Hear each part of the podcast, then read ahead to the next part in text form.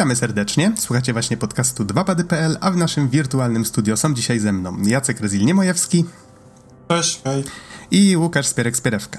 Witam wszystkich. A mówi Adam Naksa 15 Dębski. Nagrywamy natomiast w środę 13 listopada 2019 i zebraliśmy się dzisiaj, żeby porozmawiać trochę o kontrolu. I mam nadzieję, że uda nam się tutaj i zrecenzować grę w tej chwili, jeszcze bez spoilerów. Natomiast postaramy się nagrać też materiał, który mam nadzieję, że pojawi się możliwie niedługo po samej recenzji, w którym już będziemy sobie analizować fabułę, rozmawiać swobodnie o tym, co się w niej dzieje, bo trzeba przyznać, że jest o czym, jest tutaj bardzo dużo fajnych tematów, które można poruszyć przy okazji, ale to jakby w osobnym materiale. To, czego teraz słuchacie, to jest recenzja. Będzie bez spoilerów, mam nadzieję, i na tym się będziemy skupiać. To może, żeby tak zacząć od takich encyklopedycznych informacji, standardowo to takie szybkie przypomnienie. Gra została stworzona przez Remedy Entertainment, czyli twórców Maxa Payne'a, Quantum Breaka, Alana Wake'a. Um, dużo tam ejków. Dużo ejków, to fakt. Y, wyszła na PC-ta chociaż na razie tylko na Epic Store. Chyba się jeszcze nic nie zmieniło w tej materii, mm, mam wrażenie. za rok trafi Przez rok się, tak, na rok jest e, ekskluzyw. Aha, czyli potem trafi też na Steama. Y, na PlayStation 4 też można w nią zagrać i na Xboxie One. Ja grałem w wersję na PlayStation 4 Pro, a wy? Ja również. Ja grałem w wersję na PC i jeszcze warto wspomnieć, że dużą różnicą jest to, że tylko i wyłącznie w tej chwili na PlayStation da się kupić Season Pass i, i dodatki do gry. Na o, PC i Xboxie. Myślałem, że na pozostałych platformach też jest. E, nie, na, na Xboxie i na PC trzeba poczekać do następnego roku, aż wyjdzie podobnież chyba pierwsze DLC. Wtedy się Hmm, bo na razie jest tylko takie mi, chyba mini DLC, ale to pewnie o tym ty, Nox, możesz więcej powiedzieć, bo chyba z naszej trójki tylko ty w to grałeś. Tak, z tego co się orientuję, to tak. To, to znaczy, wyszło DL, znaczy wyszedł ten Season Pass, który, mm, tak jak Rezil właśnie wspomniał, można na PS4 dostać, tylko że on w tej chwili, póki ten pierwszy dodatek nie wyjdzie, on jest właściwie bezużyteczny. Do gry dochodzi właściwie jeden quest, mhm. który jest taki, taką ciekawostką bardziej. M może wspomnimy o tym później, chociaż Chociaż dobra, skoro już o tym mówimy, to jest to po prostu quest, w którym gościnnie w grze pojawia się Hideo Kojima i robi to tylko, w sensie pojawia się głosem. Nawet jeżeli byśmy wam o tym nie wspomnieli, to prawda jest taka, że prawdopodobnie byście się nie domyślili, że to jest on i on prowadzi właśnie coś w rodzaju takiego słuchowiska. E, co jest ciekawe, ale powiedzmy sobie szczerze, żeby kupować ten Season Pass tylko dlatego, to raczej raczej słabo. Mhm. No ale sam, wiadomo, sam że kupujesz to jakby dla wszystkiego, co tam będzie wchodziło w skład tego Season Passa. Tak, tak, te dwa dodatki, Chyba jeszcze jest planowane... od razu jakiś tam strój, nie? Zdaje um, się, z tego co kojarzę. Wiesz co, a może nawet nie sprawdziłem, ale... Bo na PC był jakby jeden taki pak właśnie ze strojem i z czymś tam jeszcze, Aha. a wiem, że Season Passem dostaje się jeszcze jeden, ale jaki nie jestem pewien. Okej, okay, okej. Okay. Dobra, to może to, o czym jest faktycznie kontrol? To może dodam jeszcze, nim zaczniemy, o tym, że Aha. gra wyszła 27 sierpnia tego roku, a te dodatki mówiłeś, Rezi, że kiedy? Luty? Najwcześniej ten pierwszy z nich? Oj, wiesz co, to jest rozpiska, ale nie pamiętam w tej chwili. Aha, no niemniej to będzie za jakiś czas, tak? To Na pewno z... pierwsza połowa następnego roku. Okej, okay, okej. Okay. Raczej pierwsza ćwiartka nawet, nie, nie tylko połowa.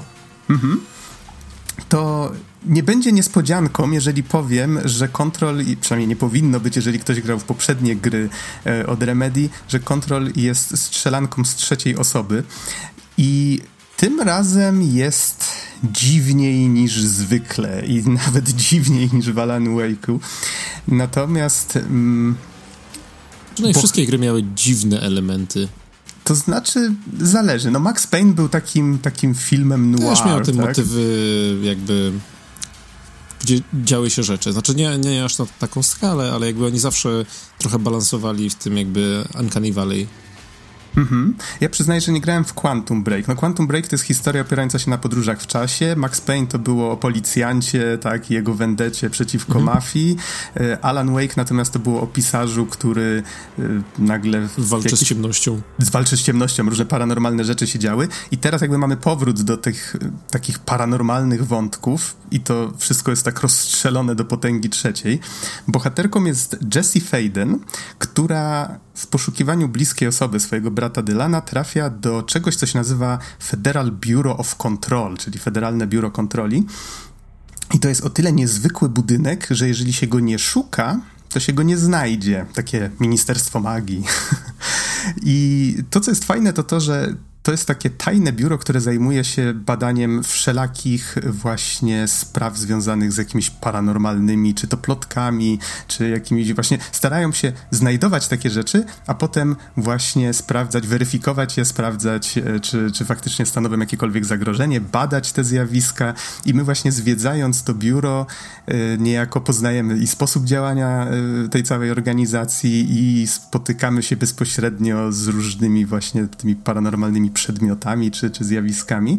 No a do tego jeszcze jakby w to wszystko jest wplątana trochę przeszłość tej bohaterki, dowiadujemy się dlaczego ona tam właściwie y, trafiła, w jaki sposób i tak dalej i tym podobne. Mhm. Chyba... Znaczy warto wspomnieć, że mhm. jakby w ogóle otwierającą sceną gry, tak powiedzmy w ciągu pi pierwszych 15 minut, zostajemy dyrektorem tego biura w wyniku pewnych zdarzeń, nazwijmy to. tak, chociaż nie, nie, wiem, wydaje mi się, że moglibyśmy powiedzieć, to jest właściwie Myślę, sam że tak, początek. tak, jakby pierwsze 15 minut jest chyba nawet jakby dostępne na YouTubie, wydaje mi się, że nawet IGN to opublikował i też wydaje mi się, że jeżeli ktoś z was znaczy ktokolwiek z osób, które nas słuchają, jeżeli się chociaż trochę zastanawia nad zagraniem w Control, to wydaje mi się, że jeżeli nie macie op opcji, żeby pożyczyć od znajomego kopię gry, żeby samemu sobie przetestować, to właśnie zobaczenie tych pierwszych 15 minut prawdopodobnie da wam odpowiedź na pytanie, czy ta gra was interesuje, czy nie, bo w ciągu tych pierwszych 15 minut jest jakby skondensowane bardzo dużo wątków, które albo wam przypasują i jakby wtedy cała reszta gry wam pewnie przypasuje, albo wam nie przypasują, no i wtedy możecie jakby pewnie pójść dalej. E, ale tak, właśnie te pierwsze 15 minut zaczyna się od tego, że przybywamy do tego biura, jakby nasza bohaterka trochę zaczyna rozpracowywać, co tam się dzieje, a kończy się tym, że znajdujemy przeszłego dyrektora e, biura w scenie, znaczy w scenerii, która wskazuje na to, że popełnił samobójstwo i my jakby odbieramy od niego mm, nazwijmy to autorytet, nie wiem jak, nie wiem jak do końca to wyrazić, ale po, podnosimy, podnosimy, podnosimy broń, broń, którą się tak. zastrzelił, tak. E, tak, i w tym momencie dowiadujemy się, że jesteśmy nowym dyrektorem. E, jakby zostajemy wytypowani na nowego dyrektora przez The Board, czyli taką jakby nie wiem, istotę w hierarchii nad nami, czy jakby przez wielki, ciężko, wielki, wielką czarną piramidę zawieszoną w białej przestrzeni, Do góry mówi nam, że jesteście nowym dyrektorem. Jeszcze raz Razil, co co? Mówię, że e, warto dać, że piramidę do góry nogami, żeby nie było, że tak, to zwykła to wielka czarna. Tak, to nie jest zwykłe czarne. To zwykłe czarne to wszędzie, ale takie odwrócone i w, w białej przestrzeni to nie, niekoniecznie. Aż tak Podnosi, tak, czyli mówiąc inaczej, podnosimy pistolet i wielka czarna odwrócona piramida mówi nam, że jesteśmy nowym dyrektorem tej organizacji. Jak tej gry nie pokochać, tak od razu? Nie, no i właśnie to wszystko dzieje się w tych pierwszych 15 minutach i właśnie tutaj ja e, chciałbym zrobić mały segway właśnie od, odnośnie tego boardu, czy tam... Nie wiem, jak to, do, nie wiem, jak to ładnie przetłumaczyć. E, board to była... O rany, też mi wleciało słowo. Y... Zarządzający, coś w tym stylu. Możemy powiedzieć w ten sposób. Jakby, za chwilę, za chwilę sprawdzę, mhm, tak. Jasne. No ale powiedzmy, że właśnie ci zarządcy komunikują się z nami Wydaje mi się, że telepatycznie, ale to jakby nie jest, nie jest aż tak, e, nie jest jakby powiedziane wprost, że to jest telepatycznie. E, I właśnie jakby stoimy przed tą wielką czarną piramidą, która zapełnia nam pół ekranu i ona komunikuje się z nami, ale sposób, w jaki komunikuje się jest super fantastyczny i wydaje mi się, że to jest jedna z jakby moich personalnie ulubionych rzeczy w tej grze, bo to nie jest tak, że to jest po prostu jakby dostajemy dialog typu o, dzień dobry, teraz jesteś nowym dyrektorem, e, idź tam i posprzątaj problem, który się, który się pojawił, tylko jakby e, ten jakby ekipa zarządzająca komunikuje się z nami bardziej na płaszczyźnie idei, w sensie ich dialogi pisane są w taki sposób, że zawarte są w nich mm, słowa, które są wyrażane poprzez kilka słów. E, w sensie na przykład, e, powiedzmy, mówią nam, e, że jakby podnosząc broń, łamane na odznakę, łamane na przysięgę, e, stajemy się nowym dyrektorem, łamane na e, nie wiem, autorytetem łamane na klątwą. E, I w sensie jakby są, są jakby słowa w ich wypowiedziach, które zawierają kilka znaczeń i to jest jakby przekazane w taki ciekawy sposób, że nie, nie komunikują się czysto werbalnie, to nie są słowa, tylko są bardziej jakby koncepty, które są wtłaczane nam w mózg. Przynajmniej ja to tak odebrałem i, i bardzo mi się to podobało aż do samego końca gry. Tego co sprawdziłem, to takie najbardziej popularne to jest komisja. Albo zarząd. O, zarząd, zarząd. Tak. To jest to słowo, którego szukałem. Tak. tak. Znaczy mówiłem zarządzający, ale jakby zapomniałem, że istnieje, istnieje jakby pojedyncza wersja tego, która brzmi nawet lepiej. Albo może ta rany, tutaj kolejne słowo mi uciekło. Jeżeli chodzi o terminologię korporacyjną, widać, że bardzo nam tutaj... Widać, że nikt z nas nie pracuje w korporacji. tak patrzę nieśmiało w stronę Rezila, ale jeszcze nie wiem. Dobrze, to... Ej, oficjalnie nie jest korporacja, tak? No tak. właśnie. Taka no jest zasada korporacyjna, że nie jest to korporacja, więc... Okej, okej. Okay, okay. No dobrze, dobrze. To już wiemy mniej więcej, z czym mamy do czynienia i e, to, to co to wszystko, co wspomniałeś, faktycznie jest bardzo fajnie pokazane, plus jeszcze do tego sam sposób, w jaki to biuro działa, Zwiedzając je miałem takie przeczucie, znaczy przeczucia, takie odczucia, że to jest właściwie takie ministerstwo magii, ale zrobione w taki sposób właśnie ubrane w ciuchy takiej takiego korpo. A co to jest Ministerstwo Magii, bo... Wiesz no, w sensie ministerstwo, znaczy... ministerstwo Magii z Harry'ego Pottera. Tak. Wydaje mi się, że do tego tutaj okay, referuje. Ja nie mam, takie, okay. takie właśnie, jeżeli ktoś nie jest zaznajomiony z tym, no to jest jakby organizacja w świecie magii, która zajmuje się regulacją magii, więc oni jakby prowadzą badania nad nowymi, nad jakby nową, nową magią, nad nowymi zaklęciami, ale też jakby na przykład prowadzą e, komórki, które zajmują się na przykład sprzątaniem po e, różnych incydentach, etc. Mhm, no to może to, to, może to, może... porównanie nie jest chyba najlepsze, ale... Tak. Wydaje mi się, że jest całkiem trafne, w sensie to, to jest może... organizacja, która jest niedostępna dla świata normalnego, która e, jakby sprząta, nazwijmy to.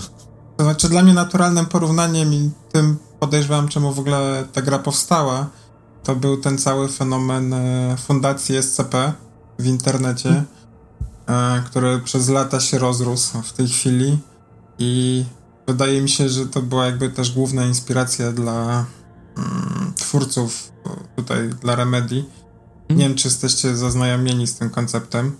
To znaczy, ja, ja się ja osobiście jestem.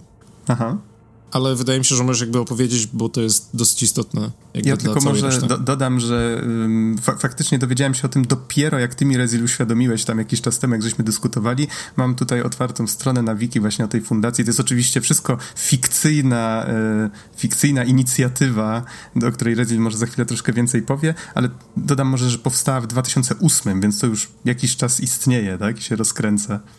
No, też ponad 10 lat. A chodzi, to, to była taka inicjatywa społeczna, e, oparta głównie na twórczości każdego, kto chciał. E, samo SCP to jest skrót od Secure, Contain, Protect. I właśnie jest to taka e, organizacja, tajna organizacja rządowa, tak jest przedstawiana, która zbiera i klasyfikuje wszystkie zjawiska paranormalne. I teraz e, Każde z tych zjawisk paranormalnych, czyli każdy pojedynczy SCP, tak to się nazywa, e, tak nazywają to osoby, to są po prostu jakieś zazwyczaj opowiadania, e, wydarzenia, obiekty, które są klasyfikowane po prostu kolejnym numerem i klasyfikowane są też na zasadzie, jak bardzo są niebezpieczne. I nie wiem, ile ich w tej chwili jest. Może będę mógł to jakoś szybko znaleźć. Wydaje mi się, że już spokojnie jest parę tysięcy. Powyżej pięciu tysięcy chyba jest już nawet. E, I bo jak ostatni raz patrzyłem, było z 4000 coś tam. To, to e, jest takie, no, fajne, fascynujące jest to też jakby można stworzyć film o tym, są na, na YouTubie z SCP takie nawet krótkie filmy, które przedstawiają te wydarzenia. Głównie to są, są nawet opowiad... gry komputerowe, które jakby bezpośrednio interpretują niektóre z tych opowiadań. No tak, i właśnie od, to też mi się właśnie wydaje, że jakby od dawna wszyscy chcieli zobaczyć grę, która miałaby jakikolwiek budżet, bo te, które są na razie stworzone, to są wszystko gry indie, to raczej takie indie bezbudżetowe, nie, nie, nie robione przez w cudzysłowie profesjonalnych indyków. E, I, I wreszcie chyba właśnie Remedy jakby to dostarczyło. Taką grę, która jest takim AAA albo AA właściwie SCP e, takim tworem na, na, ten temat. Oczywiście oficjalnie nie jest to w żaden sposób po, połączone z, z, SCP i zresztą wydaje mi się, że jest tam parę Myślę, że tak jest nawet lepiej. Tak, w sensie, tak wydaje mi się, że jakby y, gdyby Remedy po prostu zrobiło grę SCP, to to byłoby mniej ciekawe, a oni jakby wzięli tę ideę świata, ale przekuli to w coś, co jest jednak trochę ich. Na przykład w SCP jakby e, w tej, w tej, w tej Wikipedii bardzo dużo, przynajmniej z tych historii, na które ja trafiłem, referuje na przykład do pewnych stworzeń, albo znaczy kosmitów, czy jakichś tam innych jakby istot, które nie są do końca ludźmi, podczas kiedy w świecie Remedy jakby e, ten, ta, ta dziwność zamyka się de facto na jakby dwóch konceptach. Jest Objects of Power i jest ten drugi, którego imienia nie mogę sobie przypomnieć, ale jakby wszystkie te jakby e, rzeczy paranormalne zamykają się w pewnych przedmiotach i jest to bardzo fajnie wytłumaczone w świecie gry, bo mm, przede wszystkim tymi, te jakby anomalie powstają w momencie, kiedy mamy przedmioty, którym ludzie przez swoje wierzenia nadali pewne wartości. E, jako jeden z pierwszych przykładów w grze, które spotykamy, jest na przykład dyskietka, która w e, czasach zimnej wojny zawierała e, kody do uruchomienia rakiet nuklearnych w Rosji, która została wykradziona przez amerykańskich agentów. Natomiast jakby wszyscy ludzie, którzy mieli styczność z tą dyskietką, cały czas jakby myśleli o tej dyskietce w kontekście tego, że ona e, odpala rzeczy. W sensie, mam tu na myśli jakby angielskie słowo launch.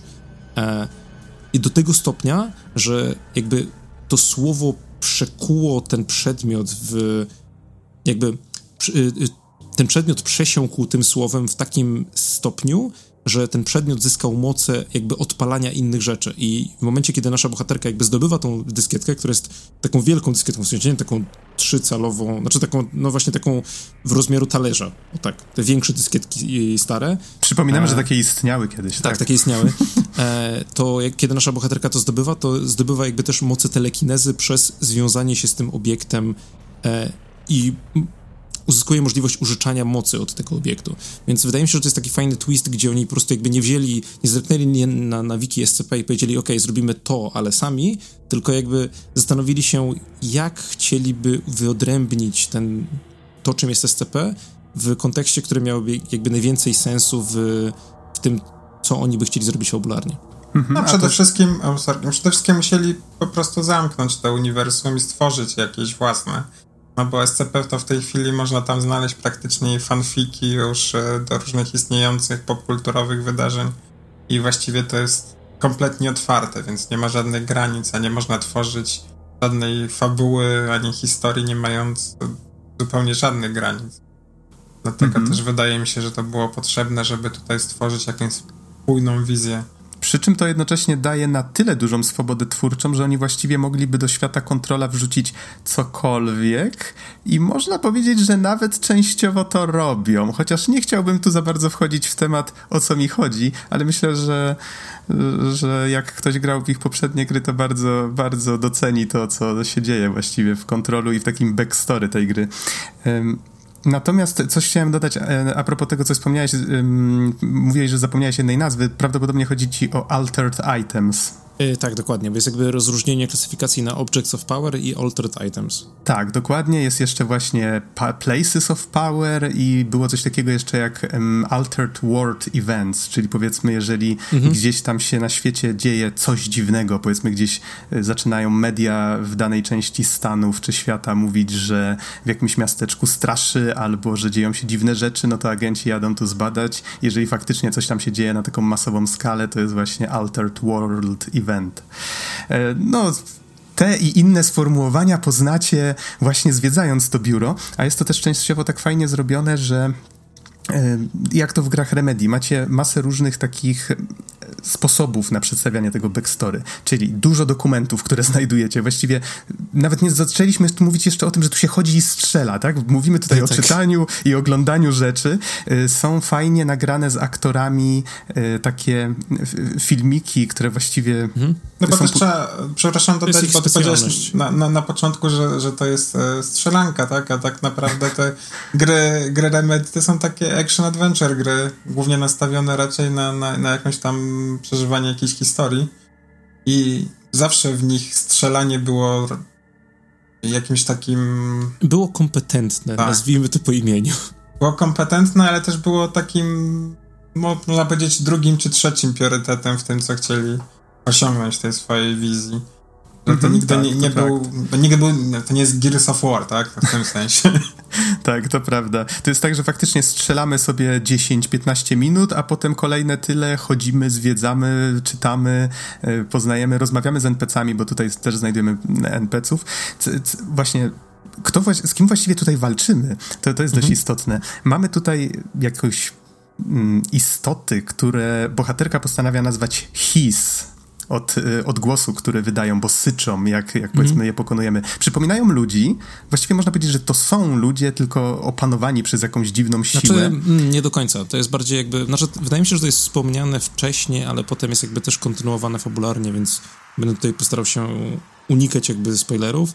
E, chociaż wydaje mi się, że nie są aż tak istotne, ale jakby od początku, znaczy od wczesnych etapów gry dowiadujemy się, że właśnie his jest bardziej jakby taką mm, oni chyba konkretnie mówią o tym, że to jest jakby częstotliwość, w sensie, że to jest jakby istota, ale też częstotliwość, trochę jak dźwiękowa, która właśnie brzmi trochę jak jakieś syczenie i dla bohaterka jakby ze względu na to, że jest y, tym e, szefem agencji jest na to odporna. E, pozostałe osoby muszą jakby nosić ze sobą e, specjalne urządzenia po to, żeby nie być zarażonym przez tą częstotliwość, bo w sytuacji, w której jakby normalny śmiertelnik wchodzi z nią, z nią w kontakt, to ta częstotliwość łamana przez istota e, zaczyna powoli jakby przejmować kontrolę nad nim, w sensie e, wyzwala negatywne impulsy i ostatecznie jakby przejmuje kontrolę nad człowiekiem i też w niektórych przypadkach zmienia ich fizycznie. Więc e, to daje... Prowadza się to do tego, że mamy dużo rzeczy, że mamy których... Humanoi... Tak, mamy humanoidalnych przeciwników, którzy lewitują i możemy do nich strzelać. Zna e... tak, tak. Znaczy dużo osób, które, które pracowały w biurze po prostu są takimi lewitującymi kukiełkami, które cały czas wygłaszają mhm. jakąś taką właśnie... Jak, taką mantrę jakby, takie, mantrę, takie tak. zlepki słów, które e, jakby można w tym się spróbować doszukiwać pewnego znaczenia, ale też nie do końca ono istnieje. Jest to bardzo ciekawe i bardzo też takie nawiedzające, jak właśnie chodziłem tak. przez te korytarze, takich brutalistycznych, betonowych budynków i są tam właśnie tacy wiszący nad sufitem pracownicy biurowi w krawatach i jakby w koszulach, którzy y, no nie wiem, wygłaszają jakieś takie satanistyczne rytuały wręcz, e, ale sprowadza się to do właśnie takiej super fajnej atmosfery. Wydaje mi się, że jakby w grze jest to wytłumaczone tak, że jeżeli ktoś nie ma potencjału bojowego, to po prostu jakby wisi w powietrzu i, i recytując tą mantrę pozwala tej częstotliwości się jakby rozprzestrzeniać bardziej, ale na przykład właśnie ochrona i, i personel bojowy tej agencji został zainfekowany i on służy jako nasze, no, nazwijmy to mięso armatnie. Mhm. No, żeby się nie czuć e, winnym i źle, to jest wspomniane o tym, że jak już ktoś jest zarażony, to już nie da się go w żaden sposób yy, tak, trzeba odrazić, więc już dla nich nie ma nadziei, można do nich strzelać. Nie ma problemu. Faktycznie gra wcześniej pokazuje coś takiego. Nawet nie, nie, nie, przeszło mi przez głowę, że to po to, żeby właśnie w jakiś sposób nasze sumienie e, odciążyć. Ale faktycznie tak może być. Spierek, wspomniałeś o czymś fajnym, mianowicie o architekturze brutalistycznej. Hmm? Wydaje mi się, że to jest tutaj o tyle istotne, że jest to taki, taki charakterystyczny styl, w którym całe to biuro jest urządzone, czyli mamy takie betonowe, twarde, potężne kształty, dużo właśnie płaskich powierzchni. Y, to wszystko może się wydawać raczej nudne tak z takiego opisu, ale zostało bardzo fajnie wykorzystane, bo i oświetleniem twórcy się tutaj bardzo fajnie bawią i czasami wrzucają właśnie jakieś takie elementy charakterystyczne w rodzaju mm, no w dziale badawczym mamy olbrzymi, wysoki hol, gdzie rosną chyba dwie sosny, jeżeli dobrze pamiętam, jakieś takie wielkie drzewa. Mhm.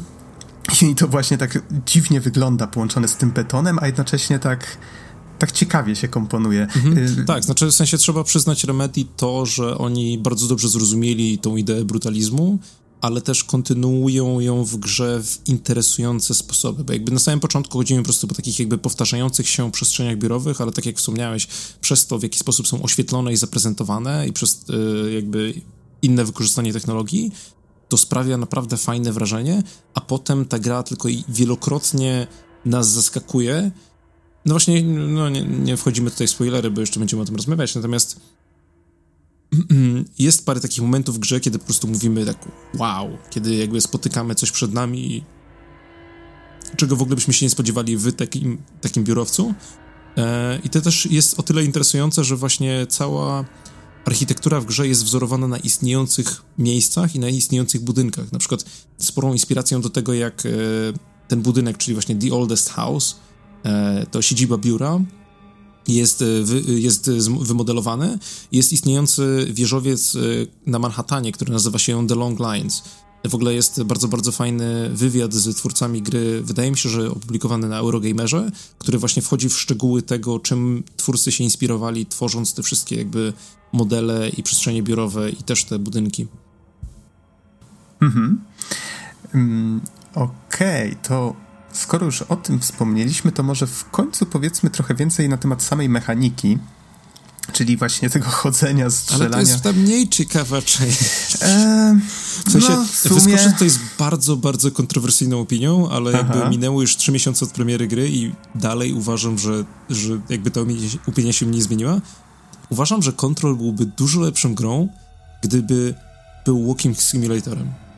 W sensie uważam, że to, że ta gra jest strzelanką trzecioosobową, a nie po prostu grą, gdzie się chodzi w trzeciej osobie i zwiedza to miejsce, działa na jej niekorzyść. E, hmm. Ponieważ moim zdaniem system walki w tej grze jest w najlepszym stopniu kompetentny, a w najgorszym stopniu naprawdę irytujący.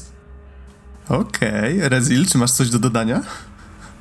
Znaczy, rozumiem to podejście, acz przed, przed tym podcastem też e, czytałem sobie różne opinie ludzi, co właśnie myślą, szczególnie jak minęło już tego trochę czasu i nie ma tych pierwszych gorących e, wrażeń. I ku mojemu zdziwieniu wiele osób e, twierdziło, że nie zrozumieli fabuły, klimat im się podobał, ale ich ulubioną częścią był, była walka. O, to ty mnie kompletnie zaskoczyłeś. Głównie przez to, że jest bardzo spektakularna. Więc e, chodzi o to, o to, wydaje mi się, że wiele osób szukało tych fajerwerków, no i dostało te fajerwerki, bo nawet jak rzucisz e, bidon o ścianę, to jest bardzo dużo efektów sostęczkowych, które wszędzie się rozpryskują i wyglądają bardzo ładnie. I może nie o to chodzi, że walka jest dobra w sensie e, mechanicznym. Mhm, tylko, że tak jest spektakularna. W Soulsach, tylko jest to super fajne widowisko, które w cudzysłowiu jest pomiędzy tymi nudnymi fragmentami, tak? O których ty mówisz, że sama gra by się na nich opiera, więc może to jest faktycznie tak, że powinna, no... Już jakby zupełnie innym tematem jest, e, jak się Remedy udała ta gra, jak się sprzedała i jak to biznesowo wyszło. Natomiast faktycznie oni pewnie chcieli połączyć to, że jak Czyli chcą dotrzeć do, do, szerokiego ludzi. grona mhm. odbiorców, no to muszą mieć... Yy, i akcję, i, i atmosferę, i fabułę razem. Jasne, rozumiem. I wydaje mi się, że to jest jakby coś, czym też się kierowali e, w zestawieniu ze swoimi poprzednimi tytułami. W sensie na przykład Alan Wake też miał jakby to samo, że tam, tam spory był nacisk na fabułę, ale mimo wszystko jakby dla ludzi, którzy nie byli aż tak zainteresowani fabułą, wydaje mi się, że jakby system walki był good enough, żeby ich przyciągnąć przez mm -hmm. tą mhm. grę. Ja to bym nawet powiedział, że, że Control ma najlepszy system walki ze wszystkich gier do tej pory. Może no, poza Max Payne'em, ale, ale z Max Payne'em to jest zupełnie inna historia, ale na pewno lepszy niż Quantum Break i Alan Wake. W Quantum Break akurat nie grałem osobiście, więc tu się nie mogę wypowiedzieć. Wydaje mi się, że Alan Wake podobał mi się bardziej, bo ta właśnie ten jakby system, gdzie najpierw musisz jakby świecić światłem, ale też musisz kontrolować swoje zasoby światła i potem jakby strzelasz, miał pewną fajną głębię, podczas kiedy Control wydaje mi się, że on zaczyna z interesującej perspektywy, ale potem bardzo szybko okazuje się, że tak naprawdę jest jedna najbardziej, jest jedna najlepsza broń w tej grze, którą jest telekineza i wszystkie inne de facto mogłyby nie istnieć. Jakby za każdy, znaczy może też jestem, jestem zbiasowany, bo grałem na padzie i jakby na padzie strzelanie e, pistoletem jest bardzo irytujące, bo masz bardzo mało naboi, e, ciężko się e, trafia, jakby obrażenia zadawane przez pistolet w różnych swoich formach, bo warto tutaj no, wspomnieć, że jakby to bardzo na początku mamy tylko normalny pistolet, ale potem dostajemy coś ala shotgun, coś ala Uzi, coś ala e, wyrzutnie granatów.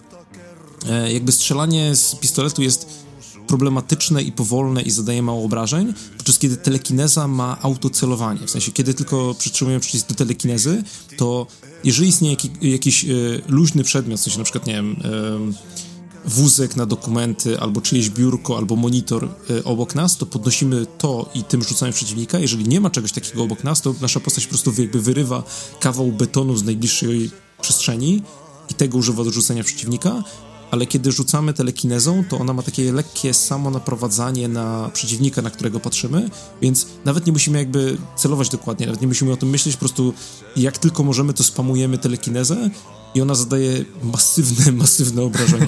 to po powiem ci, że może taką kontropinię.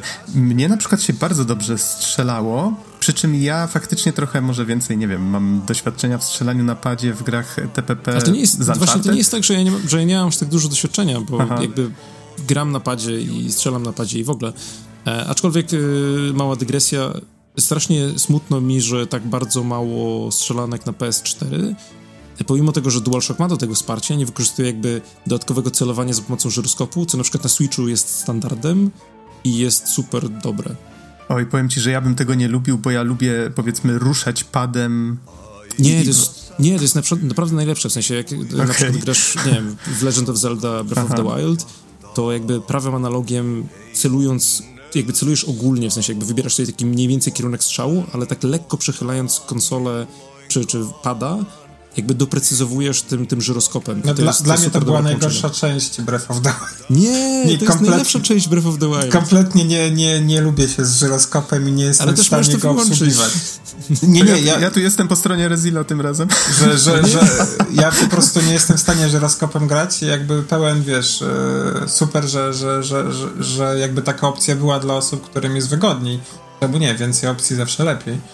Natomiast ja w ogóle grałem, tak jak mówiłem, w kontrolę na PC. Ja actually preferowałem też e, strzelanie bronią, bo. Okej, okay, może jestem tu w mniejszości. Ale grałeś to... myszka klawiatura czy napadzie? Tak, grałem myszka klawiatura i do tego mm, te zdolności były super i tu się zgadzam, że one są mocniejsze niż broń, ale miałem dużo frajdy z samego strzelania. Wybrałem ten akurat najczęściej ten taki pistolet maszynowy, powiedzmy, tę opcję. Tutaj A. oczywiście mówimy cały czas o jednej broni, bo nie wspomnieliśmy tak. o tym, że tak naprawdę ta broń jest zmiennokształtna. Musimy znaleźć po prostu. Tak, w sensie jakby jakiś... pistolet to jest taki generalny kształt tej broni, ale tak. tak naprawdę składa się z takich lewitujących fragmentów, które jeżeli przełączamy się pomiędzy trybami, ona jakby broń się rekonfiguruje. Tak, tak. E, I tutaj jeszcze jedna właśnie ważna rzecz, o której nie wspomnieliście, a która mnie się bardzo podobała, to to, że jest tutaj zachowany taki fajny balans. Właśnie ta telekineza, ona jest super mocna, ale nie możemy z niej korzystać non-stop. Tak samo broń potrafi też być super mocna, ale też nie możemy z niej korzystać cały czas, bo wszystkie moce, z których korzystamy, mają na górze taki pasek. My go zużywamy, no i oczywiście przez powiedzmy 2-3 sekundy on tam się musi odnowić. Natomiast broń działa w ten sposób, że nie podnosimy nigdzie amunicji, tylko Musimy też poczekać, aż się odnowi. Jeżeli zużyjemy cały magazynek od razu, to wtedy musimy poczekać trochę dłużej. Więc jest taka fajna synergia, że strzelamy, strzelamy, strzelamy i czekając aż się odnowi mm, amunicja, to zaczynamy rzucać wszystkim, co jest w otoczeniu. I jeszcze taki fajny szczegół, który bardzo mi się spodobał, to to, że jeżeli już jakiś fizyczny obiekt w otoczeniu zaczyna lecieć w naszą stronę, bo go chwycimy, one są tak lekko podświetlone właśnie taką, taką otoczką, więc wiemy mniej więcej, co zaraz y, podleci i jeżeli ten przedmiot stoi za przeciwnikiem, to my właściwie możemy puścić telekinezę już w tym momencie, jak ten przedmiot się podnosi do góry, bo my wiemy, że on od razu poleci w stronę przeciwnika, więc go tak naprawdę zaatakujemy od tyłu. Jest właśnie dużo fajnych sytuacji, do wielu fajnych sytuacji to prowadzi, bo to nie jest tak, że musimy poczekać, aż ten przedmiot do nas dofrunie. Możemy po prostu spamować tym i one zewsząd potrafią tak naprawdę uderzać tych przeciwników. Bardzo fajne widowisko się z tego robi. Tak jak wspomnieliście, jest tutaj tutaj masa różnych efektów i tym podobnych rzeczy, więc to tłuczone szkło, jakieś tam drewno, niszczone obiekty, zawsze fajnie to wygląda. No właśnie, wydaje mi się, że jakby największym problemem tego całego systemu walki w Control to jest to, że jeśli przejdziemy Control normalnie przez główny wątek fabularny do końca gry, to nie mamy za bardzo, za dużo okazji, żeby w ogóle ten system walki zobaczyć. Mamy takich bardzo zwyczajnych przeciwników, paru bossów, którzy są właściwie tylko inną wersją zwykłych przeciwników. Nawet mają ten sam model. E, I dopiero ta, ta, ta walka potrafi e, jakoś się pokazać przy opcjonalnych starciach z bossami pod sam koniec gry. Jeśli ktoś, kto znajdzie i chciałby się tam uda ci to jeszcze najlepiej grając, e, przychodziłem na najwyższym poziomie trudności. to tam dopiero miałem naprawdę wielką frajdę z tego, co użyć, jakiej mocy, w jaki sposób, czy tutaj broni palnej, czy jednak skoncentrować się na telekinezie, czy użyć po raz pierwszy w grze tarczy, która była no, kompletnie... Ta tarcza to jest coś, czego jakby kompletnie nie rozumiałem, bo dostaje się ją relatywnie wcześnie, ale ona tak naprawdę jest przez większość gry kompletnie bezużyteczna. Przez całą grę dużo się właśnie nie robi nic, nic, tak. nic opcjonalnego, więc... Nie do końca. Powiem wam, że ona się bardzo przydaje do konkretnej taktyki. Y, ta gra bardzo zniechęca do tego, żeby stać w miejscu i spamować, bo y, jak, tak, obrywamy, jak obrywamy przez przeciwników, to jedyny sposób, żeby się wyleczyć, to podnosić niebieskie kuleczki, które wypadają z pokonanych przeciwników, więc musimy musimy biegać, strzelać, podnosić to, co oni upuszczają, non-stop być w ruchu, robić takie fajne, efektowne uniki, które powiedzmy potrafią nas przebijać przez obiekty. Yy, I do tego właśnie. Mm, no i właśnie do tego dochodzą te moce, bronie, no, no to się wszystko tak bardzo fajnie zachęca nas do tego, żeby non-stop biegać i non-stop właśnie robić większą rozpierduchę. I ta tarcza się tam przydaje, bo jeżeli zbyt mocno przesadzimy i nie mamy się czym wyleczyć, to możemy nagle się otoczyć przedmiotami i po prostu zacząć się wycofywać gdzieś za osłonę. To jest hmm. jedna z takich taktyk, których używałem znaczy, i jest to dość satysfakcjonujące. Tak, znaczy wracając jeszcze do tych opcjonalnych bossów, jakby zgodzę się z tobą, że przez większość gry możemy jakby przepłynąć używając podstawowych umiejętności i faktycznie tam się pojawia większa strategia, natomiast na przykład problem, który ja miałem był taki, że z częścią z tych bossów jesteśmy w stanie walczyć na zbyt wczesnym etapie gry. E, szczególnie mówię tutaj o jednym takim. o jednym bosie, do którego trzeba mieć konkretną moc, żeby móc dotrzeć.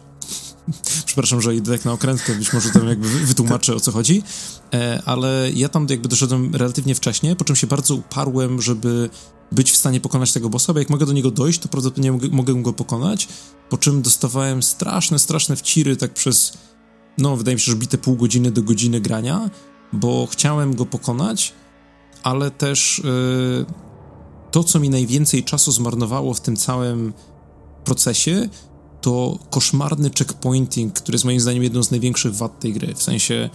E, wydaje mi się, że jakbym miał zrobić jakby listę rzeczy, które mi się najmniej podobają w tej grze, to na samym głównym szczycie byłoby, byłoby właśnie to, że za każdym razem, kiedy umieramy w grze, co zdarza się w niektórych sytuacjach, takich jak opcjonalni bossowie dosyć często, to zostajemy cofnięci do ostatniego punktu kontrolnego, e, zgodnie z tytułem gry, ale też e, raz, że przynajmniej na PS4 loadingi trwają strasznie długo, w sensie tak czasami 15, 20, 30 sekund momentami, to jeszcze też, kiedy wracamy do tego punktu, punktu kontrolnego, to nierzadko musimy z tego punktu e, biec do takiego właśnie opcjonalnego bossa przez jakieś bite dwie minuty, więc cały ten backtracking przy każdej śmierci wydaje mi się, że skumulował się właśnie na jakieś takie, nie wiem, 20 do 30 minut, gdzie po prostu jakby robiłem to samo, a reszta to była ta faktyczna walka, którą toczyłem z tym przeciwnikiem. Nie wiem, czy też mieliście takie wrażenie. Mhm. Tak, znaczy... szczególnie właśnie sorry, przy tych opcjonalnych bossach to jest, jest to taki, to jest duży problem. W innych miejscach nie do końca, ale grając na hardzie po prostu jest tak, że, że przeciwnicy są, mają więcej, nie ma, nie ma tu jakichś wybitnych e, mechanik, przeciwnicy mają więcej hapeków i szybciej się ginie. I zdarzało mi się ginąć e, w niektórych miejscach bardzo często i wtedy to było strasznie upierdliwe wracać przez ten checkpoint ciągle, ciągle w kółko. Mhm. To, co, co, co do checkpointów, faktycznie się z wami zgodzę, bo on, bohaterka zawsze wraca do tego punktu kontrolnego i jakoś brakuje tego takiego, nie wiem, mogliby to trochę nagiąć, na zasadzie, okej, okay, cofnąć nas tylko na początek pokoju, prawda? Tak, w sensie Ale... cofnięcie na początek pokoju, wydaje mi się, że spokojnie, wydaje mi się, że przejście gry zajęło mi około 20 godzin, wydaje mi się, że 5 godzin z tego można by ściąć po prostu lepszymi checkpointami. Znaczy mi się wydaje, że mogliby zastosować taką, e, sorki, ciągle ci wchodzę w słowo, sorry. Nie, to ja po prostu zaczynam zawsze... tak, tak, trzeba ciągle... walczyć o swoje. Tak. E, mogliby zastosować mechanikę, która jest od dawna w grach wyścigowych. Na przykład w Forzie, czyli po prostu e, też widziałem to na emulacji, jak teraz robią te remastery, żeby można było cofnąć czasu, powiedzmy minutę czy dwie, Uuu, tu, tu, tu, tu, nie, nie, w sensie jakby, jako, jako ludzie, jak my z Noxem, jako ludzie, którzy robią gry na co dzień, e, nie, nie, nie, to nie działa tak łatwo, jak ci się wydaje. To, to, to by jest... wymagało bardzo hmm. dużo kombinowania. To wymagało tak. bardzo dużo pracy. Tak, tak, to prawda. Ale ja, jak... Ale... taki checkpoint na początku pokoju to jest jakby taki złoty środek, z którym ja bym powiedział, okej, okay, to jest good enough. Chyba tak. Okay, zawsze mogłaby być quick save i quick load, jak mieliśmy w 95 roku. Za dużo oczekuję. W Tomb Raiderze 1. Okej, okay, ale to po powiedzmy tak, że widocznie chcieli bardzo, bardzo, bardzo, żeby jakby nie odbiegać klimatem od fabuły czy czegoś, że faktycznie bohaterka zawsze w tych punktach kontrolnych musi się pojawić z jakiegokolwiek mm -hmm. powodu. Okej, okay, nieważne. Nie do końca nam się to podoba, z tym się zgadzamy. Natomiast y, wspominaliście o walce i o tym, faktycznie to jest dość nietypowe, ale też fajne, że w questach pobocznych pojawiają się ci przeciwnicy tacy najbardziej niesamowici, najbardziej tacy wyjątkowi, mhm. bo jak już skończyłem grę i faktycznie jeszcze kończyłem te dodatkowe questy, to chciałem to robić, bo faktycznie... Bo tam są ciekawe rzeczy. Tak, tam są bardzo ciekawe rzeczy, niektóre nawet zrobione... Y równie albo nawet fajniej niż to, co jest w głównym wątku. No, powiedziałem, że wszystkie. Generalnie też jakby drugi minus, jeśli już mówimy o minusach, jak zeszliśmy, to dla mnie największym minusem, większym niż te checkpointy, było właśnie to, że e, wszystkie ciekawe historie są tutaj trochę ukryte albo są opcjonalne. Główny wątek generalnie nie jest, nie jest zbyt ciekawy. Trochę się tu ciekawszy się z tobą nie zgodzę. W sensie koniec, jest tam parę ale... takich momentów, kiedy, kiedy faktycznie byłem zaskoczony. W sensie jakby początek gry jest bardzo solidny, e, wszystkie jakby sceny z kustoszem tego biura są bardzo interesujące, ale też e, szczególnie właśnie bliżej końca jest, znaczy nie wszystkie, jakby bliżej końca też były sceny, które mi się nie podobały, szczególnie właśnie jakby samo Znaczy ja mówię o samym wątku tym... fabularnym, w sensie fabuły, w sensie scenariusza. To mm, jaka tam tak, jest droga okay, od dobra. początku do końca i jakie się znajdują eventy po drodze, to tak, to się z tobą zgadzam, że są zaskryptowane bardzo fajne sytuacje yy, i yy, dobra, nie będę kolei może nie, nie, w sensie zgadzam się z ale... że jakby, tak. jakby to tak, masz rację, w sensie jakby przyznają ci rację odnośnie tego, że faktycznie są tam fajne sytuacje, które są fajnie zeskryptowane i fajnie wizualnie prowadzone, ale jakby to, co się dzieje w samej historii, nie jest aż tak interesujące, jak te historie poboczne, które znajdujemy. Czy mogę, czy mogę, czy mogę, czy mogę?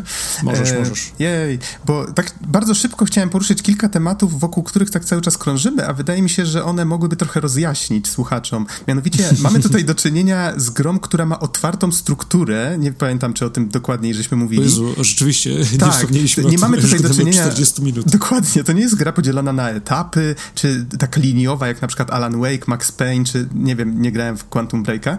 Y, tutaj mamy... To jest bardzo liniowe. Aha, no to tutaj mamy do czynienia z grą, która działa trochę bardziej... Mnie się skojarzyła początkowo z Bioshockiem, potem trochę bardziej z Batman Ark Arkham Asylum, z tym pierwszym, y, no bo tam było trochę bardziej takie właśnie skondensowane w jednym miejscu ta akcja była y, można by wręcz powiedzieć, że to jest taka troszeczkę Metroidvania, bo mamy mamy teren, który się coraz bardziej otwiera, dostajemy nowe umiejętności, które pozwalają nam się dostać w nowe miejsca, dostajemy nowe zadania, które nam otwierają kolejne lokacje i tak dalej. No, jak się domyślacie, to miejsce jest dużo większe niż się początkowo wydaje, jak na wieżowiec stojący gdzieś tam w środku wielkiego miasta.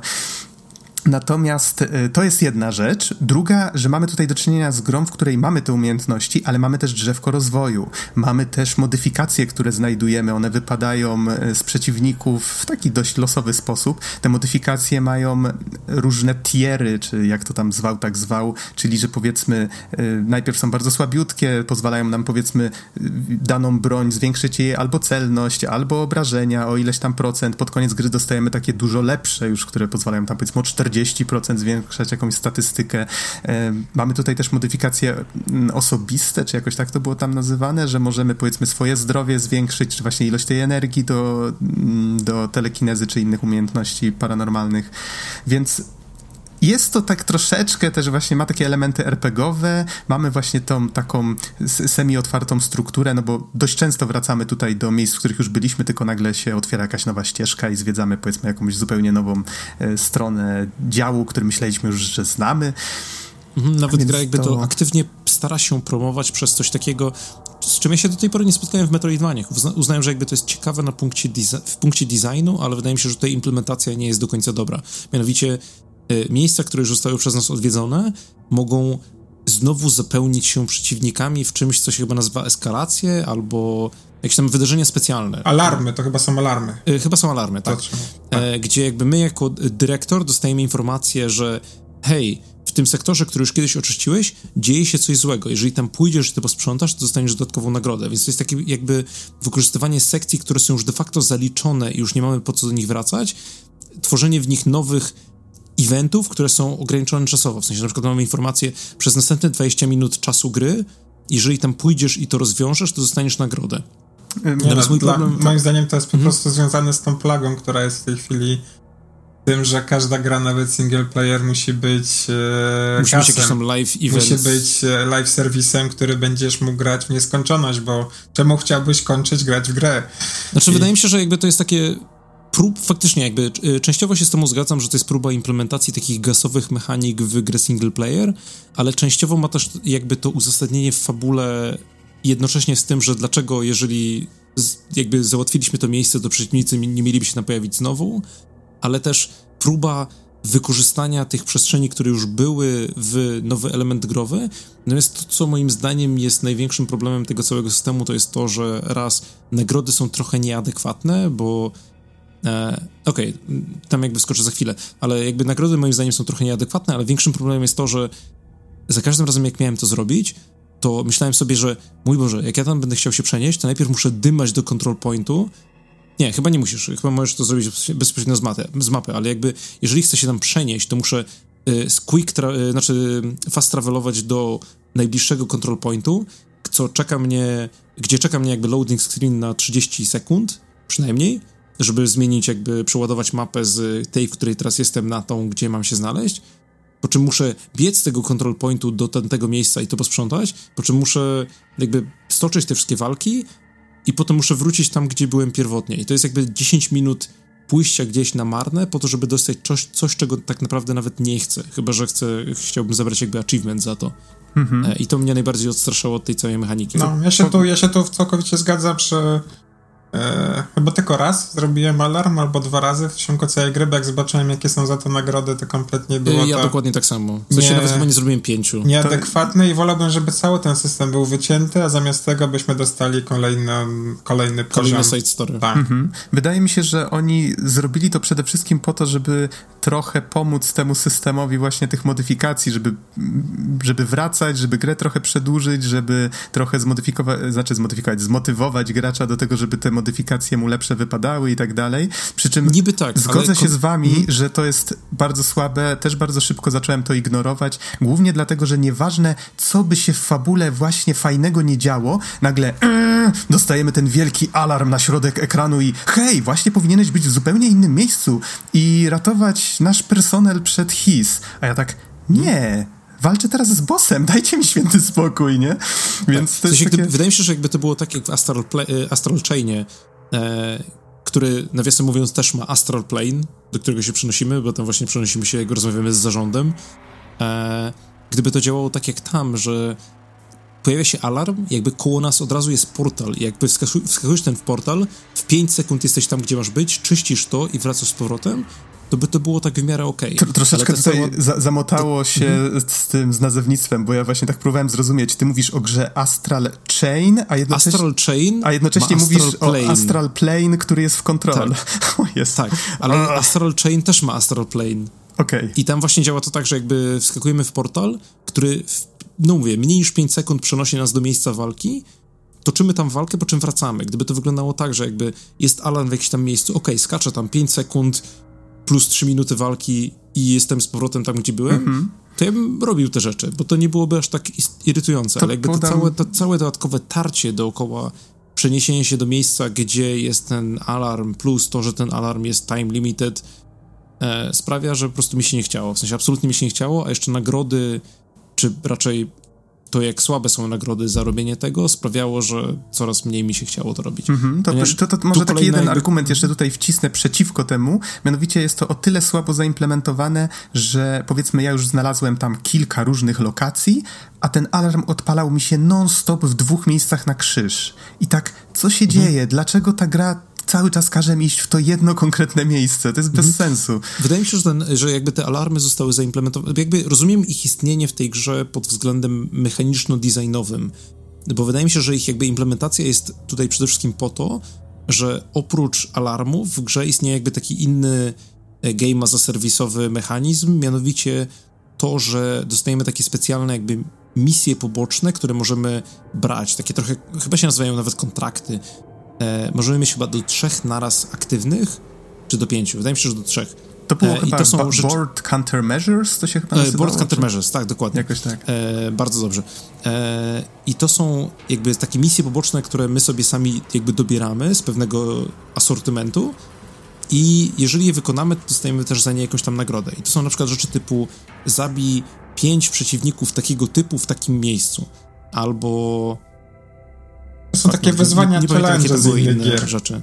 Tak, i to jest jakby. Yy, wydaje mi się, że te alarmy zostały zaimplementowane po to, żeby jakby w wiarygodny sposób zapełnić miejsca, które już zrobiliśmy przeciwnikami pewnego typu, po to, żebyśmy mieli tam po co iść. Więc jakby możemy dobrać pewne countermeasure i może nam się wylosuje akurat odpowiedni alarm, i może zrobimy te dwie rzeczy naraz i dostaniemy podwójne nagrody, i to jakby nagradza nam e, robienie miejsc, które już robiliśmy, przez co wydłuża to gameplay, ale nie wydłuża go w taki satysfakcjonujący sposób. Znaczy, mhm. sam ten gameplay loop nie jest złym pomysłem, ale na przykład znowu, mówię to z pozycji laika, który nie ma za dużo pojęcia o tym, jak ciężko robić gry, tak jak, tak jak mówiliście. Ja bym na przykład to rozwiązał w taki sposób, w świecie moich fantazji, że stworzyłbym tam po prostu jakieś miejsce, które byłoby nieskończonym dungeonem a la roguelike, gdzie można byłoby wchodzić i pojawili się ci przeciwnicy, masz wiadomo, jedno życie mhm. i tam możesz wykorzystywać, zdobywać lepsze nagrody, mody, czym dalej tam dojdziesz w tym dungeonie i też robić te challenge i to wydaje mi się byłoby takie ciekawe, bo byłoby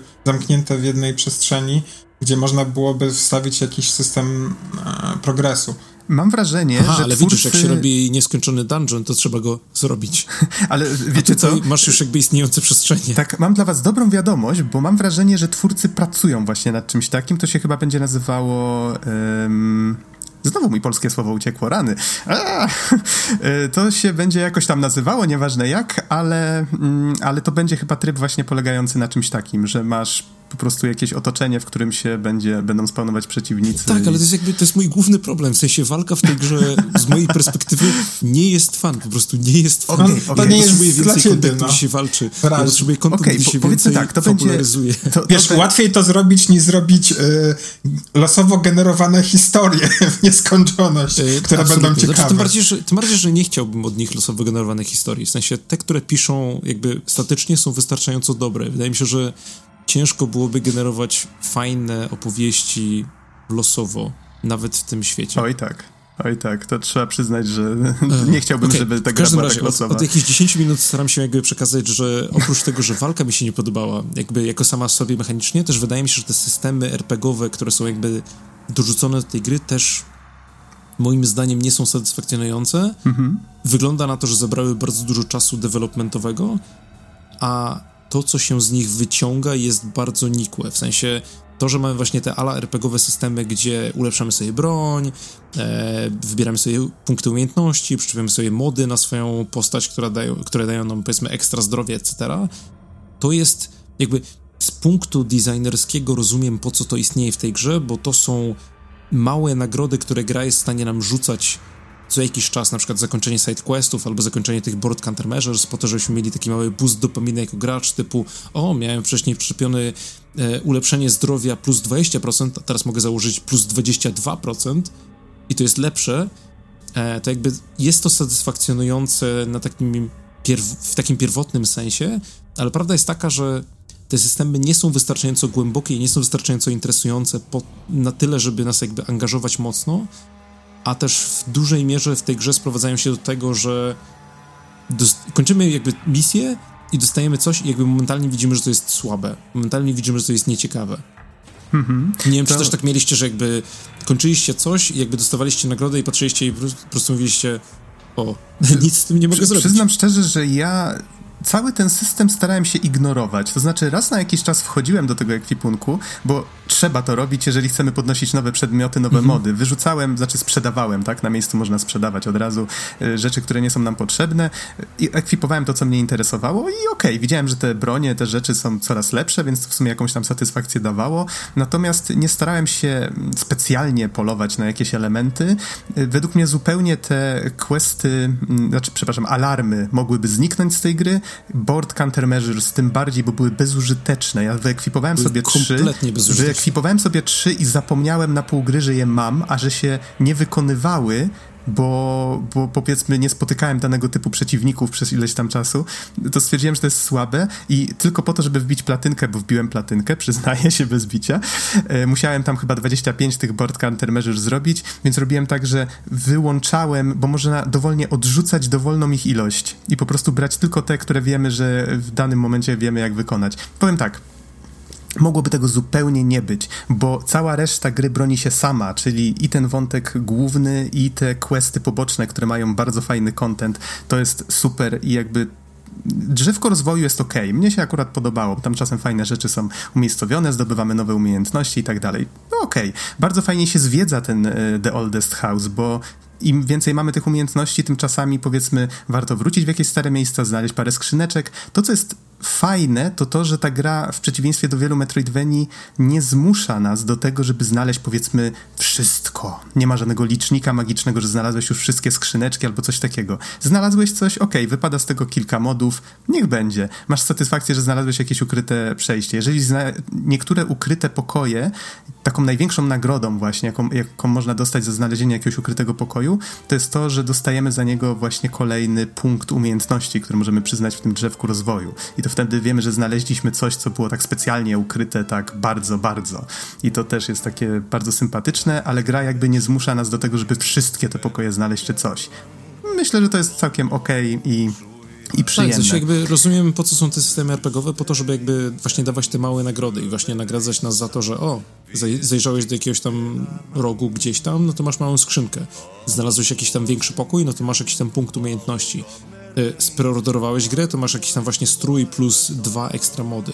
Więc te jakby systemy pozwalają twórcom rozdystrybuowywać te nagrody w sposób granularny, gdzie na przykład powiedzmy inne gry tego typu, na przykład Metroidy musiały bardziej się wstrzymywać z tym, kiedy na przykład dostajesz jakiś tam upgrade, bo to mogło ci dać bardzo dużą przewagę, podczas kiedy tutaj dają jakby takie mniejsze przewagi w większych ilościach.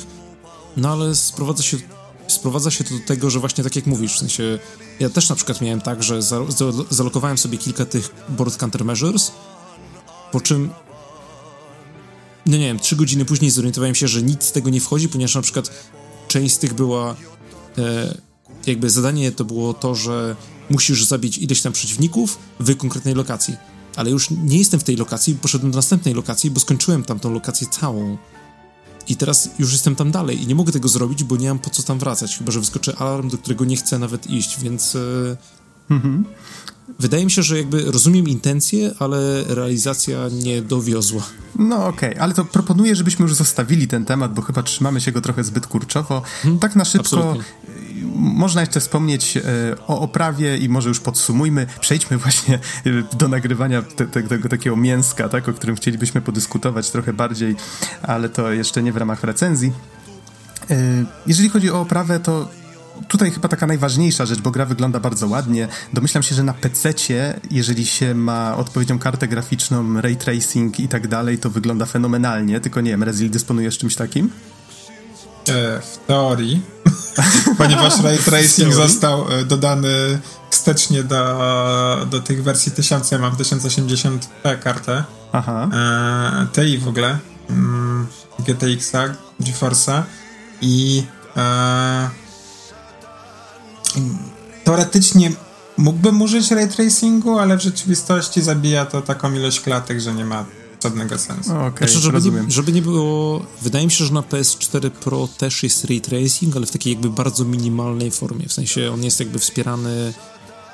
Nie ma jakby dedykowanych y, elementów karty graficznej do ray tracingu, tak jak na przykład w RTX-ach nowszych, ale wydaje mi się, że jakaś tam forma ray tracingu w niskiej rozdzielczości jest robiona po to, żeby usprawnić wszystko, więc... A to nie jest po prostu to samo, co w Red Deadzie, czyli ten, jak to się nazywa, mm -hmm. SSAO, AO?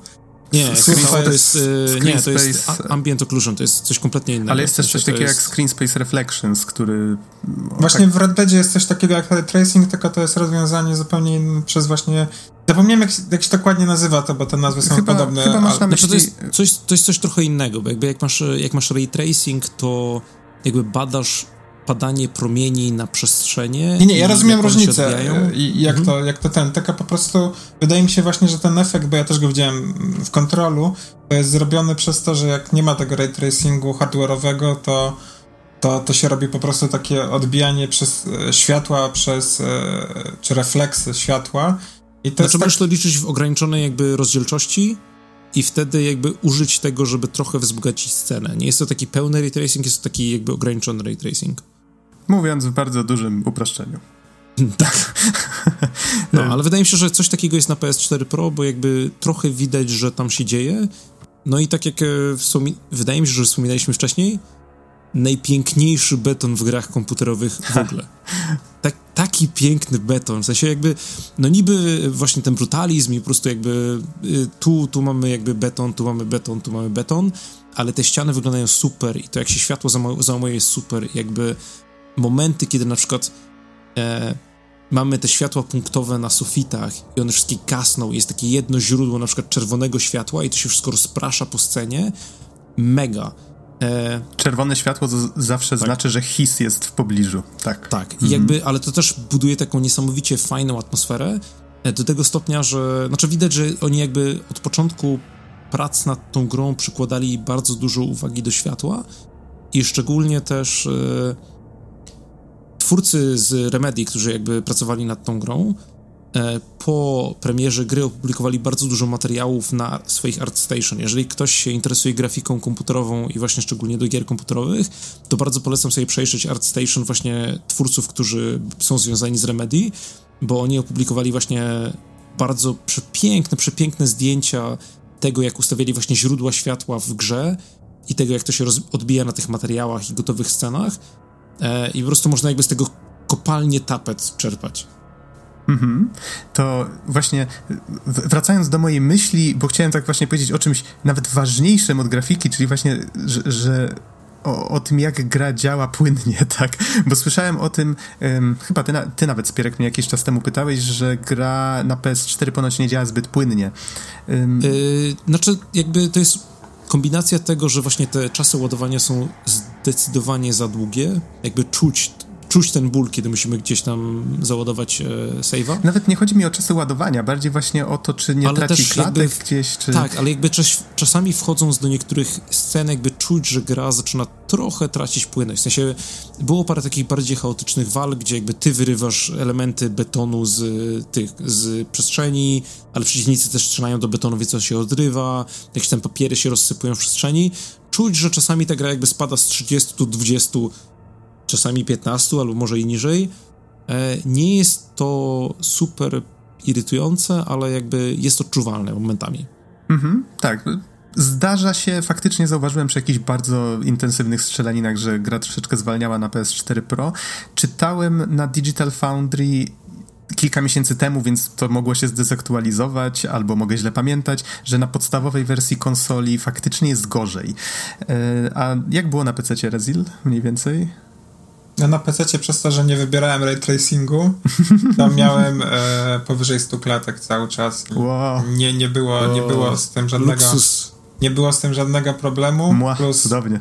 Też, to, też jak oglądałem tę analizę na Digital Foundry, to w ogóle widziałem, że na podstawowym PS4 to praktycznie było to w moich oczach e, niegrywalne, bo gra potrafiła przy niektórych starciach tam właśnie, jak mówił Spierek, wpaść do 15 klatek to, co się, to, co kompletnie praktycznie negowało jakąkolwiek przyjemność z takiej potyczki. Ale mhm. E, też pamiętam, że wszyscy czekali na performance patch. Czy on wyszedł, to nie wiem, bo nie śledziłem on, tego, ale... On ja chyba, też nie wiem. On chyba wyszedł dość niedługo po premierze. Znaczy, powiem tak, nie śledziłem sprawy aż tak dokładnie. Mogę tylko potwierdzić, że na Pro byłem w stanie komfortowo grę skończyć. Od czasu do czasu były jakieś drobne spadki, ale nie przeszkadzało mi to. Więc to, znaczy, to jest jedyne, też... co mogę tak potwierdzić, bo po prostu to takie były moje doświadczenia. Ja też skończyłem komfortowo grę, natomiast yy, ja skończyłem Czułem ją w pierwszym tygodniu, więc jakby nie jestem pewien, czy wszystkie te problemy zostały załatane. Być może tak. Mhm. W jednym z patchy na przykład twórcy dodali, jeżeli kogoś by to interesowało, mm. No i tak jak już mówiliśmy na początku e, recenzji, planują kolejne dodatki, więc na pewno coś tam się będzie jeszcze zmieniało. na pewno będą się pojawiać nowe, fajne atrakcje. Ja to bym jeszcze do tej recenzji przy właśnie kwestii wizualnej, nie wiem czy to Aha. wizualnej, czy bardziej metroidwaniowej, e, dodał dwie rzeczy, które mi się bardzo rzuciły, które są pozytywne, bo czuję, że dużo o minusach rozmawiałem, więc też coś takiego bardzo pozytywnego chcę dodać, że e, była to jedna z niewielu w ostatnich latach gier, gdzie poruszałem się po tym biurze na zasadzie autentycznych w grze e, znaków, gdzie jest jakie miejsce, jakie biuro się znajduje, jakie piętro. Wszystkich oznaczeń, które znajdowały się w środku gry, to poprawiało mi to bardzo imersję i klimat, a nie musiałem patrzeć na mapkę na radarze czy strzałkę na, na mapce, gdzie, gdzie mam iść, tylko sama gra była na tyle fajnie oznaczona, że to było zupełnie naturalne, o, że tutaj muszę wejść po schodach do tego pomieszczenia. I druga sprawa, że głównym bohaterem jakby całej historii był też ten budynek, czyli to, co mówiłeś, że e, Nox, że, że Arkham. Że tutaj faktycznie, tak jak pierwszy Arkham, Arkham Asylum, e, tam dla mnie głównym bohaterem nie do końca był Batman i tutaj nie do końca jest Jesse, tylko jest to całe pomieszczenie, ten budynek, ponieważ najciekawsze jest dla mnie właśnie wejście do nowego pomieszczenia, nowego piętra, zobaczenia co tam się dzieje, a niekoniecznie historia Jesse. Tak, tutaj nawet nie, nie zdążyliśmy y, opowiadać nawet, no może i lepiej, o tych Objects of Power czy Altered Items, bo tutaj w tej grze zdarzają się takie fajne momenty, kiedy idzie się po prostu korytarzem, widzi się grubą szybę, za którą jest pomieszczenie, w którym jest coś bardzo niebezpiecznego. Na samym środku leży kumowa kaczuszka. I zastanawiamy się, co ona tam robi. Albo kubeczek, cokolwiek każda rzecz może nie, być w tym, niebezpieczna. W tym momencie już prawdopodobnie mogłeś znaleźć dokument, który opisuje czym to jest i dlaczego to jest tak, takie groźne. Tak, ale to, to jest e... fajne, to pobudza wyobraźnię, bo jest tak zaszczepione w naszym świecie, tak? Tutaj wiem, że to jakby jest nawiązanie do tego SCP, o którym opowiadaliście i tak dalej, ale jakby już abstrahując od tego, sam fakt, że cała ta fikcja tutaj jest tak bardzo zaszczepiona w naszej codzienności, wydaje mi się, że działa na korzyść tej gry, tej historii, to wszystko tak fajnie pobudza wyobraźnię.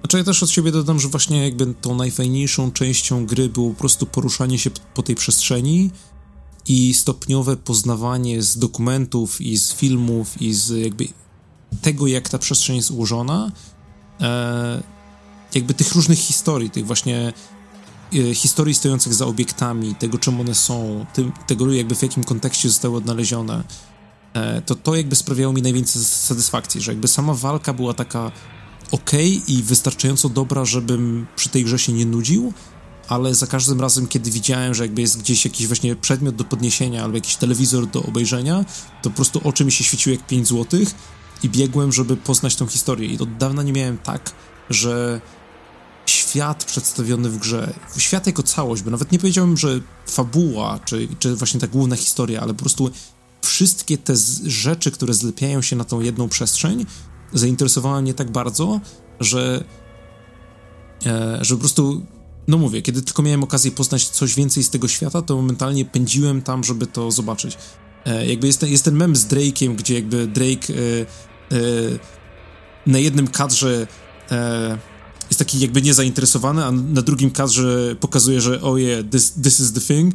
E, to właśnie E, dla mnie ten jakby pierwszy kadr, kiedy jest niezainteresowany, to jest, to jest walka, a ten drugi kadr to jest cokolwiek związanego z The Oldest House i, i Federal Bureau of Control i tymi wszystkimi pozostałymi rzeczami. Plus, jeżeli ktoś jest fanem Poets of the Fall, to mają tutaj tak świetny moment, że. Oj tak, wa warto, warto zobaczyć. Chociażby dla tego momentu. E, tak, mm -hmm. absolutnie, absolutnie. E, też się tego nie spodziewałem, bo to jest tak, że też w trakcie trwania tej gry ona kilkukrotnie podnosi poprzeczkę tego, co się stanie zaraz. E, w sposoby, których ja się absolutnie, absolutnie nie spodziewałem. No, dla mnie na pewno jeden z najbardziej. Nie powiem zaskakujących, bo czekałem na tą grę. Tak jak czekałem w sumie na każdą grę Remedy. E, najmniej podobał mi się Quantum Break, ale Control chyba stanie się moim ulubionym ich tytułem. Zobaczymy, co dalej się stanie. No i ciężko tu mówić tak naprawdę dużo więcej bezspoilerowo, bo, bo gra w dużej, w dużej mierze właśnie opiera się na tych wydarzeniach, których nie chcemy na razie e, zdradzać, ale e, może przez to, na przestrzeni przynajmniej pecetowej, przez to, że wyszła na Epiku, to przeszła tak trochę bez echa, a już widziałem, że miała też nawet jakieś promocje na Halloween i tak dalej, więc e, ze swojej strony mogę polecić. Jeśli ktoś lubi dobrą przygodę i ten, ten taki nastrój, powiedzmy, jeszcze powracający do z archiwum Mix, takiego właśnie, to nie jest horror, ale takie paranormalne klima klimaty, to myślę, że tutaj się nie zawiedzie. Mhm. Tak, znaczy też wydaje mi się, że od siebie mogę dodać, że jakby jeżeli ktoś grając w gry aktualnie czuje, że gry są jakby zbyt bezpieczne i zbyt takie same, to Control jest absolutnie antytezą tego. W sensie grając w Control czujemy, że doświadczamy czegoś absolutnie świeżego, absolutnie nowego. Nawet jeżeli ktoś jest jakby zaznajomiony z tym, z tym jakby całym fenomenem SCP i z tymi historiami, to wciąż jakby widzimy... Może, że to szczególnie wtedy, jak ktoś tego... właśnie żyje tym tak, SCP, znaczy... to tutaj mu mhm. się może dużo bardziej spodobać nawet. Tak, ale jakby nawet jeżeli ktoś jest z tym zaznajomiony jakby, jako z kontekstem, to wciąż doświadczenie tego w, y, jakby w formie gry jest na tyle świeże i na tyle fajne, że jeżeli, no mówię, jeżeli ktoś czuje, że o, gra w gry i jakby nic nie czuje, to Control pomimo swoich problemów i pomimo swoich błędów jest grą, w której jakby nie da się przejść obok niej obojętnie. I to jest w niej zdecydowanie najlepsze. Więc jeżeli ktoś chce doświadczyć czegoś fajnego, to absolutnie, absolutnie polecam. E, to jest gra, w którą jakby pierwotnie nie byłem zainteresowany, póki nie zobaczyłem launch trailera tej gry, który moim zdaniem jest fenomenalnie wyreżyserowany i ma fenomenalny dobór piosenki. I właśnie ten jeden półtorej minutowy filmik sprawił, że od razu zamówiłem grę, a po czym, po czym spędziłem w niej 20 godzin i absolutnie nie żałuję tego czasu. W sensie, oczywiście uważam, że pewne rzeczy można było w niej zrobić lepiej, ale ostatecznie cieszę się, że w nią zagrałem i wydaje mi się, że jest. Może nie jest moją grą roku, ale w top 3 zdecydowanie.